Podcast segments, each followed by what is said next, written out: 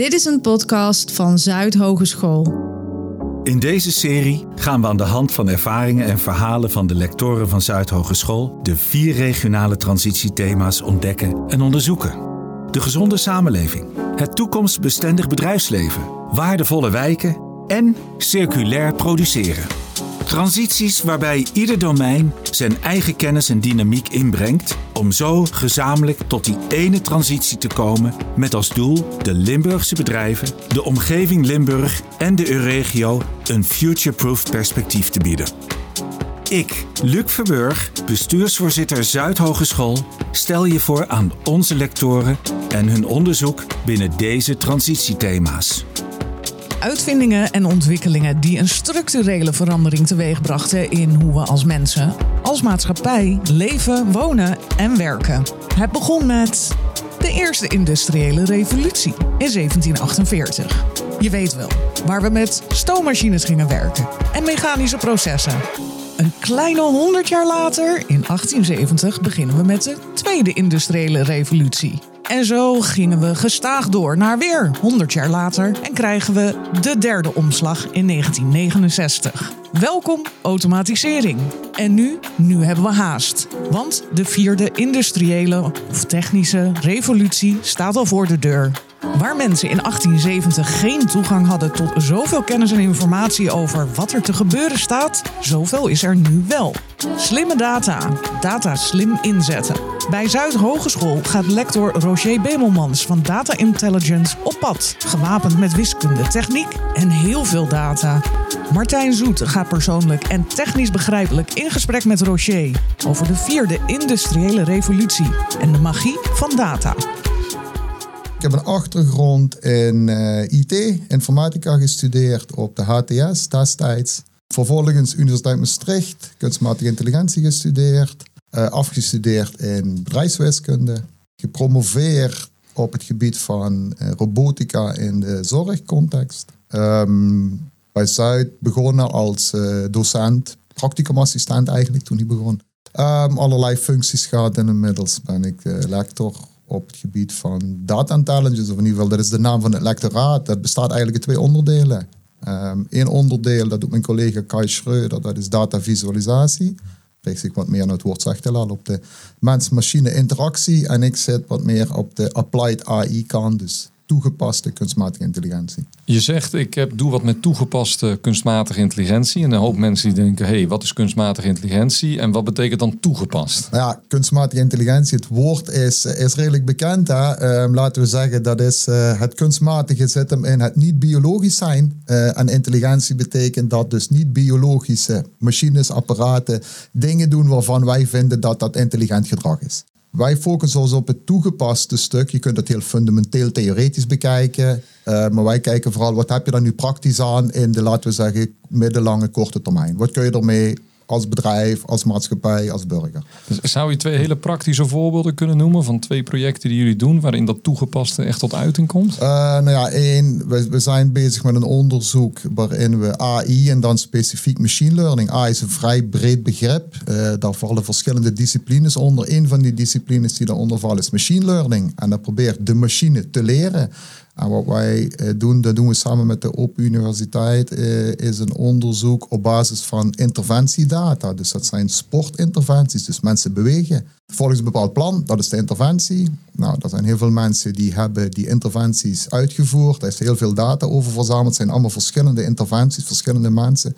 We zijn nu met machine learning algoritmen aan het kijken welke patronen kun je nu zien over die verschillende interventies om daar inzichten uit te halen die je normaliter zelf er niet uithaalt. En dus dat is zo'n praktisch voorbeeldje waarin je met AI nieuwe inzichten kunt halen uit data die wij nogmaals standaard er niet uit zouden kunnen halen met standaard statistiek of andere soortige technieken. Een heel interessant veld, ook een breed veld. Volgens mij gebruik jij altijd de termen wij zijn een contextloos uh, gebied, ICT.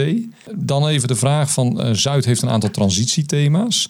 Uh, wat doe je binnen die transitiethema's zodat dat contextloze gebied van ICT toch context krijgt? Ja, nou helemaal terecht. Wij als ICT'ers zijn we in die zin contextloos en wordt ICT in heel veel contexten toegepast. Nou, Zuid heeft, heeft een viertal transitiethema's. Met ICT en daarmee ook met Applied AI zitten we met name op de transitiethema's duurzaam produceren. In de zorgcontext zijn we, zijn we actief. En in uh, toekomstbestendig bedrijfsleven. Als je kijkt bij duurzaam produceren, dan kom je onder andere al snel uit bij de Gemmelot-context en de Gemmelot Campus hè, in Geleen Sittard. Daar kijken we naar, kijk, als je kijkt naar duurzaam produceren, dan wordt vaak gedacht aan het recyclen van materialen, hergebruik van materialen.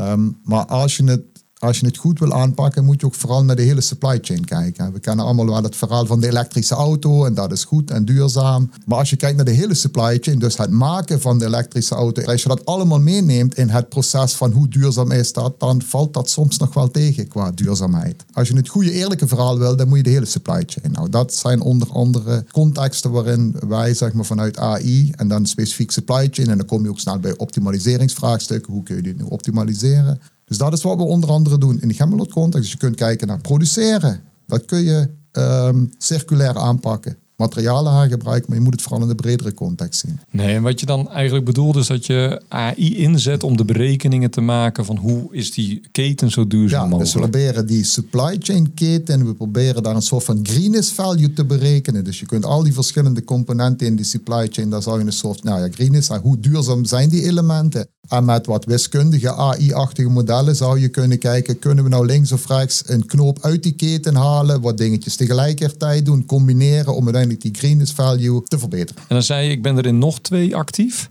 Uh, gezondheidszorg en de toekomstig, uh, toekomstbestendig bedrijfsleven. Zou je van die ook alle twee eens een voorbeeld kunnen geven? Ja, in de zorg uh, had ik nader al, ik noemde het voorbeeldje van die interventies waar we mee bezig zijn. dat is één. Een ander ding, ehm, en dat is mensen zo interessant, is we hebben een, een onderzoeker in het lectoraat die kijkt naar instrumenten die je kunt ontwikkelen om thuis te gebruiken. En dit is specifiek voor kinderen met een beperking. Even praktisch, kinderen met bijvoorbeeld een spieraandoening, die moeten nu vaak naar het ziekenhuis gaan om een beting te doen. Nou, en voor zo'n kind is dat best een, eh, een, een ingrijpende gebeurtenis. Thuis in de autootje met papa en naar het ziekenhuis rijden, in de wachtkamer zitten, met de expert in naar een of ander um, um, meetkamertje gaan. Dan worden er wat oefeningen gedaan, wordt zo'n kind gemeten. En vervolgens weer terug naar huis, voor je het weet, bij een hele dag kwijt. Terwijl de meting zelf helemaal niet zo heel spannend is en misschien maar vijf of tien minuten duurt. Nou, wat mijn collega nu aan het doen is, is zo'n kastje maken die die metingen doet, thuis kan doen. Uh, met een uh, verbinding naar het ziekenhuis, dus dat zo'n kind gewoon thuis in zijn normale huiselijke omgeving meting kan doen. Data wordt direct doorgestuurd naar het ziekenhuis. Veel minder ingrijpend voor zo'n kind. Plus daarbij, je kunt veel vaker meten over een veel langere periode. Nou, dan komt de kwaliteit van zorg ten goede. En daarbij levert het voor die kinderen veel minder, zeg maar, um, nou, traumatisch is misschien een groot woord, maar het is nogal een belasting iedere keer. Niet alleen voor het kind, trouwens ook voor de ouders. Dus dat, dat zijn er nog wel voorbeelden die erg mooi zijn, vind ik zelf. Dan heb je zeg maar betekenis voor directe mensen. Ja, precies. En, je geeft aan, een van de eigenschappen is dat je meer data hebt of meer kunt meten. Waarom is dat zo belangrijk voor jullie? Als je, uh, laten we zeggen, één keer in de twee weken meet, dus je één keer in de twee weken naar het ziekenhuis moet gaan, dan heb je één keer in de twee weken een momentopname. Nou, als je dat iedere dag kunt doen, dan krijg je data die veel betrouwbaarder is. Als je een meting doet op een dinsdagochtend en, ik, en, en zo'n kind is, weet ik veel, een beetje vermoeid, dan geeft dat een mogelijk vertekend beeld. Hoe vaker je kunt meten, hoe betrouwbaarder je data wordt, hoe betrouwbaarder de inzichten worden, hoe betrouwbaarder de acties worden. En dan gaf je nog aan dat je ook bij toekomstbestendig bedrijfsleven uh, dingen doet? Ja, daar proberen we vooral te kijken naar hoe je het bedrijfsleven hoe wij het regionale bedrijfsleven kunnen helpen zeg maar, in de transitie naar industrie 4.0-achtige mogelijkheden. En AI is een van die onderdelen. We kennen natuurlijk allemaal de, de industriële revoluties, hè? Uh, vanaf uh, de stoomlocomotief tot de Industrie 4.0 waar we nu in zitten. En, in, het is voor de levensvatbaarheid van de regio van belang dat wij met z'n allen meegaan in die mogelijkheden die die via de industriële revolutie biedt. En wat wij proberen te doen in die context is het bedrijf een stapje verder te helpen. Ander onderdeeltje waar we naar kijken in die context zijn digital twins. Dus dat je eigenlijk een digitale kloon maakt van een fysiek apparaat. En het grote is natuurlijk dat je allerlei scenario's, wat-if-vragen kunt, uh, kunt, kunt stellen en kunt, uh, daarmee kunt experimenteren. Um, je kunt natuurlijk niet zomaar met je fysieke machines uh, allerlei experimenten doen. A, kost geld. B, die machines zijn bezig met productie te draaien. Dus eigenlijk een soort simulatieomgeving, maar dat zodanig realistisch dat je kunt praten over een tweeling, een digital twin. Het is interessant, hè? want je zegt industrie 4.0 en je noemt al twee mogelijke technieken. Eén is de digital twin, twee is de AI. Voor mensen die dat helemaal niks zegt, hè, zou je dat industrie 4.0 eens kunnen samenvatten in twee, drie zinnen? Wat, wat, wat is het eigenlijk? Ja, industrie 4.0, Klaus Schwab van het eh, World Economic Forum heeft daar ooit een, uh, een soort van definitie van gegeven. Eigenlijk is het het samensmelten, het mergen van de fysieke en de digitale wereld. Um, en dat met een sausje AI eroverheen is. We krijgen allerlei apparaten die slimmer worden. Nou, we zien het allemaal in onze, in uh, huiselijke omgeving. We kletsen allemaal tegen de Amazons en de Googles aan en die praten nog terug ook. Dat dat onderdeel wordt van ons dagelijks leven. Dus niet meer ergens ver weg of in een fabriek. Iedereen in zijn huiselijke omgeving, werkomgeving, leefomgeving merkt dat.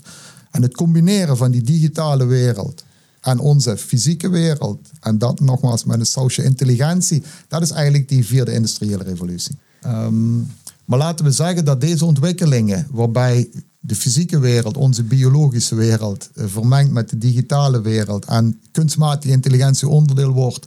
Laten we zeggen, een inschatting, uh, en dat komt niet per se van mij, uh, dat komt van, van de goeroes op dit, op dit veld. Die hebben in 2015 is er een conferentie geweest. Uh, met alle, laten we zeggen, hotshots op het gebied van AI. En daar hebben ze eigenlijk gewoon gepolst. Hey, als we nu eens praten over AI, waar gaat dat naartoe? En wanneer krijg je AI op een niveau dat gaat ons mensen overstijgen? Uh, doen ze de uitspraak, wanneer gaat dat gebeuren? A, de vraag, gaat het gebeuren? En B, zo ja, wanneer dan? Nou, uh, gaat het gebeuren? Daar was een beetje 80% het over eens. Dat gaat gebeuren. Wanneer? Liep een beetje uiteen, maar als je het gemiddelde pakt, was de voorspelling over 50 jaar is het zover dan hebben we uh, kunstmatige intelligentie die ons mensen nou, um, overstijgt. Op, op generiek niveau, hè? Uh, algemeen niveau. Dus niet specifiek, want daar zijn ze nu al beter. Van een schaakcomputer wint geen enkel mens meer. Maar dat is hele specifieke intelligentie. Het gaat meer over generieke intelligentie. Ja. Mensen die uh, meer geïnteresseerd zijn in het onderwerp, heb je een boek, film, podcast die je zou kunnen aanraden? Uh, ja, nou ja, boeken of, films, die zijn er wel genoeg. Maar als je, als je interesse hebt in AI, maar ook in wat kan dat eventueel betekenen voor ons op de midden- en wat meer langere termijn. Dus waar gaan we in de komende 10, 20, 30, 40 jaar naartoe? Dus wat is AI en ook applied AI? En wat betekent dat voor ons ook als mens? Dat kan nog wel wat betekenen hè? Voor, voor ons als maatschappij, samenleving. Hoe gaan we met elkaar om? Zeg maar die industrie 4.0 doorgetrokken. Dan zou ik het boek van uh, Max Tegmark. Max Tegmark is een uh, hoogleraar van uh, MIT, Massachusetts Institute of Technology. Um, en heeft een boek geschreven, Life 3.0. Nou, in dat boek beschrijft hij eigenlijk wat AI is, waar het naartoe gaat. Het is een natuurkundige. Dus hij kijkt naar het perspectief over 10, 20, 30 jaar, ook over duizend en tienduizend jaar als natuurkundige. En als je dat interessant vindt, heel laagdrempelig geschreven boek. Uh, je hoeft echt geen verstand te hebben van, uh, van AI of uh, eh, ICT om te kunnen lezen. Maar het geeft een mooi inkijkje in wat, laten we zeggen, de goeroes vinden en denken waar het naartoe gaat met de ontwikkeling van AI.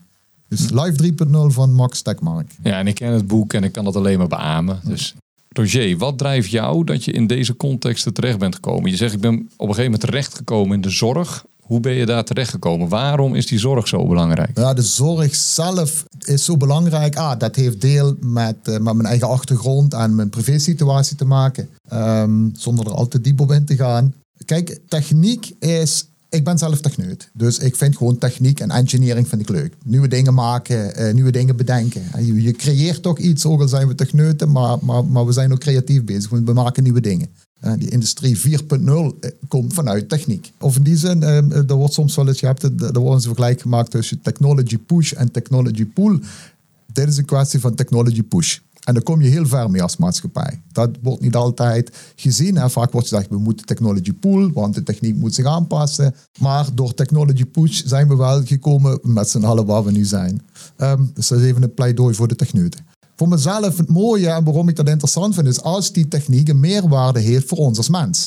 En dat is het mooie in de zorg bijvoorbeeld. Dat zie je het voorbeeldje wat ik noemde met mijn collega die voor kinderen thuis die, uh, die, uh, die technieken ontwikkelt dan heb je dus meteen verbetering op niveau. En dit is erg uh, ambitieus, maar die deze kwaliteit van leven gaat omhoog. Um, dat heb ik ook bij mijn promotieonderzoek gezien. Daar ga je aan de slag. Dat ging over robots in de zorg. Dan zie je dus dat techniek, robots, AI, een meerwaarde heeft voor mensen. Dit was, in dit geval ging het om mensen met dementie. Onder de streep gaat de kwaliteit van leven omhoog. Nou ja, als je met techniek in die zin iets kunt betekenen voor mensen, ja, dan, dan ben je met twee dingen denk ik eh, goed bezig. Eén, met techniek en twee, heeft het nog een meerwaarde ook. Kun je zeggen dat zelf vanuit huis uit een techneut en Ja. door eh, zeg maar familieomstandigheden is, heeft de zorg een warm hart. Ja, zo zou je het kunnen stellen. Ik ben inderdaad techneut en, en als techniek een bijdrage kan leveren uiteindelijk aan de kwaliteit van leven van ons allemaal.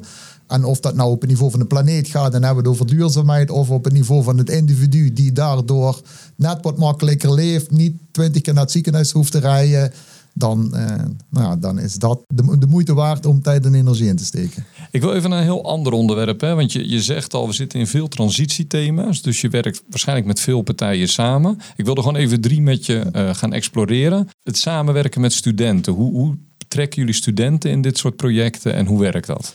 Ja, we, hebben, eh, we zijn als lectoraat sterk verbonden met de opleiding ICT. Eh, het zijn eigenlijk twee opleidingen. We hebben een bacheloropleiding HBO ICT. We hebben ook nog een associate degree opleiding. Dat zit zeg maar tussen MBO 4, HAVO en bachelorniveau in. Ehm, en onze opleiding technische bedrijfskunde. Het onderdeel supply chain dat ik eerder noemde, dat is zo'n onderdeel dat sterk past of goed past bij ehm, technische bedrijfskunde. Wij zijn heel sterk verbonden met het onderwijs. Je kunt het eigenlijk niet loszien. Dat is een beetje het punt. Eh, hoe merk je dat en hoe merken studenten dat? Om te beginnen krijgen ze allerlei vakken eh, die de naam onderzoeksvaardigheden dragen.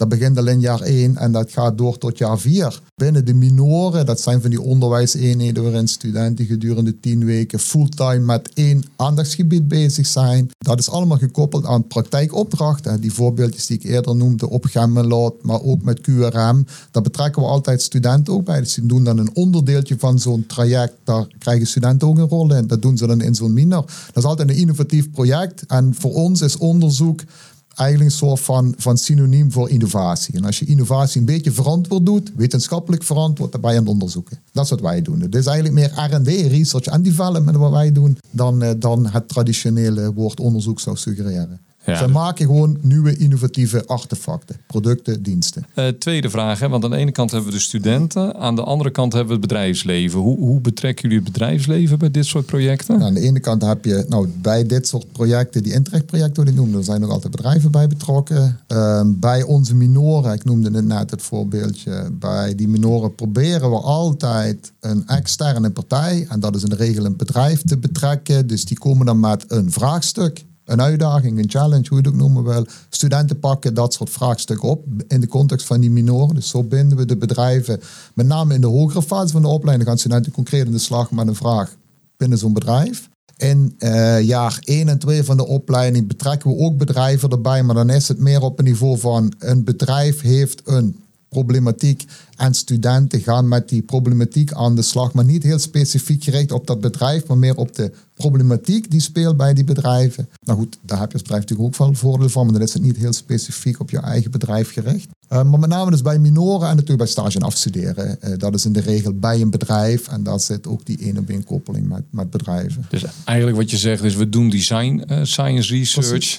En dat zit eigenlijk verweven in het hele curriculum. Precies. Minoren, ja. vakken, ja. et cetera. dat is eigenlijk het, een beetje het DNA van de opleiding ook. Um, nou ja, innovatieve bachelors, uh, die, dat is wat wij eigenlijk proberen uh, af te leveren in de opleiding. En ja, je noemt al dat je in drie verschillende transitiethema's zit. Met welke collega's of welke collega-lectoren werk je daar samen? Uh, nou ja, dat zijn er veel, dus dan, dan dat krijg ik niet op mijn handje geteld.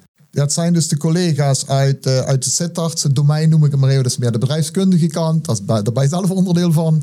Um, dat zijn de collega's in het technische domein, waar wij als ICT'er zelf in zitten. En dan kom je wat eerder uit bij duurzaam produceren. Maar dat zijn ook de collega's uit het zorgdomein. Ik heb al een aantal voorbeelden genoemd van de zorgcontext. Dus ja, in die zin zijn er misschien weinig collega-lectoren waar we niet mee samenwerken. Um, dat is niet met iedereen even intensief. Dat is natuurlijk een beetje ons probleem als ICT'ers. Je had het al een paar keer zelf aangegeven, we zijn contextloos. Maar ICT en AI wordt in bijna iedere context wel, uh, daar is in ieder geval wel op de een of andere manier behoefte aan. Uh, maar goed, ook onze capaciteit is in die zin begrensd. Dus we moeten daar ook een beetje verstandig in, in opereren. En, en, en we moeten ook kunnen leveren. Dus daar wat kan, proberen we de samenwerking te zoeken. Eh, maar goed, qua omvang is dat ook niet altijd te realiseren. Dus dat is nog wel een praktisch probleempje. Ik wil even helemaal met je terug. Hè? Want je zegt zelf ook, ik zit in een contextloos gebied. Dat is ook wat ik je hoor zeggen. Maar als je dan al die projecten zo beschrijft, dan, dan voel ik toch een thema terugkomen. Namelijk het thema operations management. Eigenlijk alle voorbeelden die je geeft zitten in operations management. Is dat toch het thema waar jullie dan echt binnen opereren? Of is dat toeval? Nee, is geen toeval. Kijk, wat, je, wat we vooral proberen te doen is, en, en als je praat operations management, ik, ik noem het, ik pak dan even zeg maar, eh, optimaliseren. Wat je natuurlijk probeert te doen is optimaliseren. Het iets beter maken, iets optimaler maken. En dat is in de kern eigenlijk wat we doen. We proberen altijd iets te verbeteren en dat kun je optimaliseren noemen, verbeteren noemen. Dus in die zin heeft dat een sterke relatie met operations research. Ja. Ja, dus dat is één onderwerp waarin je eigenlijk zegt, daar zit ik erg op het individu. Dat vind ik belangrijk. Maar aan de andere kant zeg je ook circulariteit en dat soort dingen vind ik belangrijk. Wat meer is voor de goedheid van al, zeg ik maar even. En meer van de samenleving. Hoe, hoe zit dat? Hoe kijk je daarnaar? Ja, kijk, het ene is op wat meer korte termijn ook naar het individu. Daar zie je meteen, ik heb er morgen voordeel van. Het andere is op wat langere termijn. Dat is ook wel iets abstracter. Dat merk je eigenlijk met iedereen wel. Hè? Duurzaamheid is zo'n thema en iedereen is er wel mee bezig. En mensen zijn met elektrische auto's bezig en zonnepanelen op het dak gaan leggen. En deel is dat omdat we met z'n allen de planeet natuurlijk een beetje willen beschermen. Maar dat is toch iets verder, langere termijn. Je ziet zelf niet direct uh, de invloed daarvan. Dus dat is een wat langer termijn perspectief. Vaak ook natuurlijk wel een beetje economisch gedreven. Hè? Want we hebben allemaal zonnepanelen omdat die gesubsidieerd worden. En we rijden elektrisch omdat de benzine zo duur is. Dus aan de ene kant is het allemaal um, ideologisch ingestoken. Aan de andere kant zijn we ook lekker pragmatisch. Het scheelt ook gewoon in de beurs. En toch is het op lange termijn verstandig om te doen. Dus ik stop ook graag mijn tijd en energie in die wat langere termijn perspectieven. Maar mensen is zo interessant en daarvoor zijn wij toegepast AI. Wij kijken ook op de korte termijn en dan kom je toch wat eerder bij het individu uit. Ik ga toch nog eens een keer samenvatten en dan mag je daar open over reageren. Je zegt aan de ene kant ik ben contextloos en aan de andere kant zeg je, ja, weet je, als ICT doen we leuke dingen. Maar als ik je dan dit hoor vertellen en ik vertaal dat in het hele verhaal, dan zit hier eigenlijk iemand voor me die zegt van ik ben eigenlijk een soort van uh, wereldverbeteraar, zowel voor de individu als het geheel. Maar ik doe dat door middel wat ik kan, namelijk techniek. Ja, die pretentie heb ik niet om eh, de wereldverbeteraar te zijn. laten we zeggen, als iedereen zijn hele kleine steentje kan bijdragen op die grote gloeiende plaat, dan kun je het op zijn minst proberen. Ook al is het maar een druppel. Ja, eh, kern, ik ben techneut. Dat is wat ik leuk vind om te doen. En als dat dan ook nog maatschappelijke meerwaarde heeft, dan ben ik mijn tijd extra goed aan besteden. Techniek heeft een hart. Martijn Zoet in gesprek met Roger Bemelmans van het lectoraat Data Intelligence aan Zuid Hogeschool. Wil je meer weten over de transitiethema's of over Zuid Hogeschool? Ga dan naar zuid.nl/slash transitie. Zuid schrijf je als Z-U-Y-D. Daar kun je ook alle andere podcastafleveringen vinden en beluisteren. Of beluister ze in je favoriete podcast-app.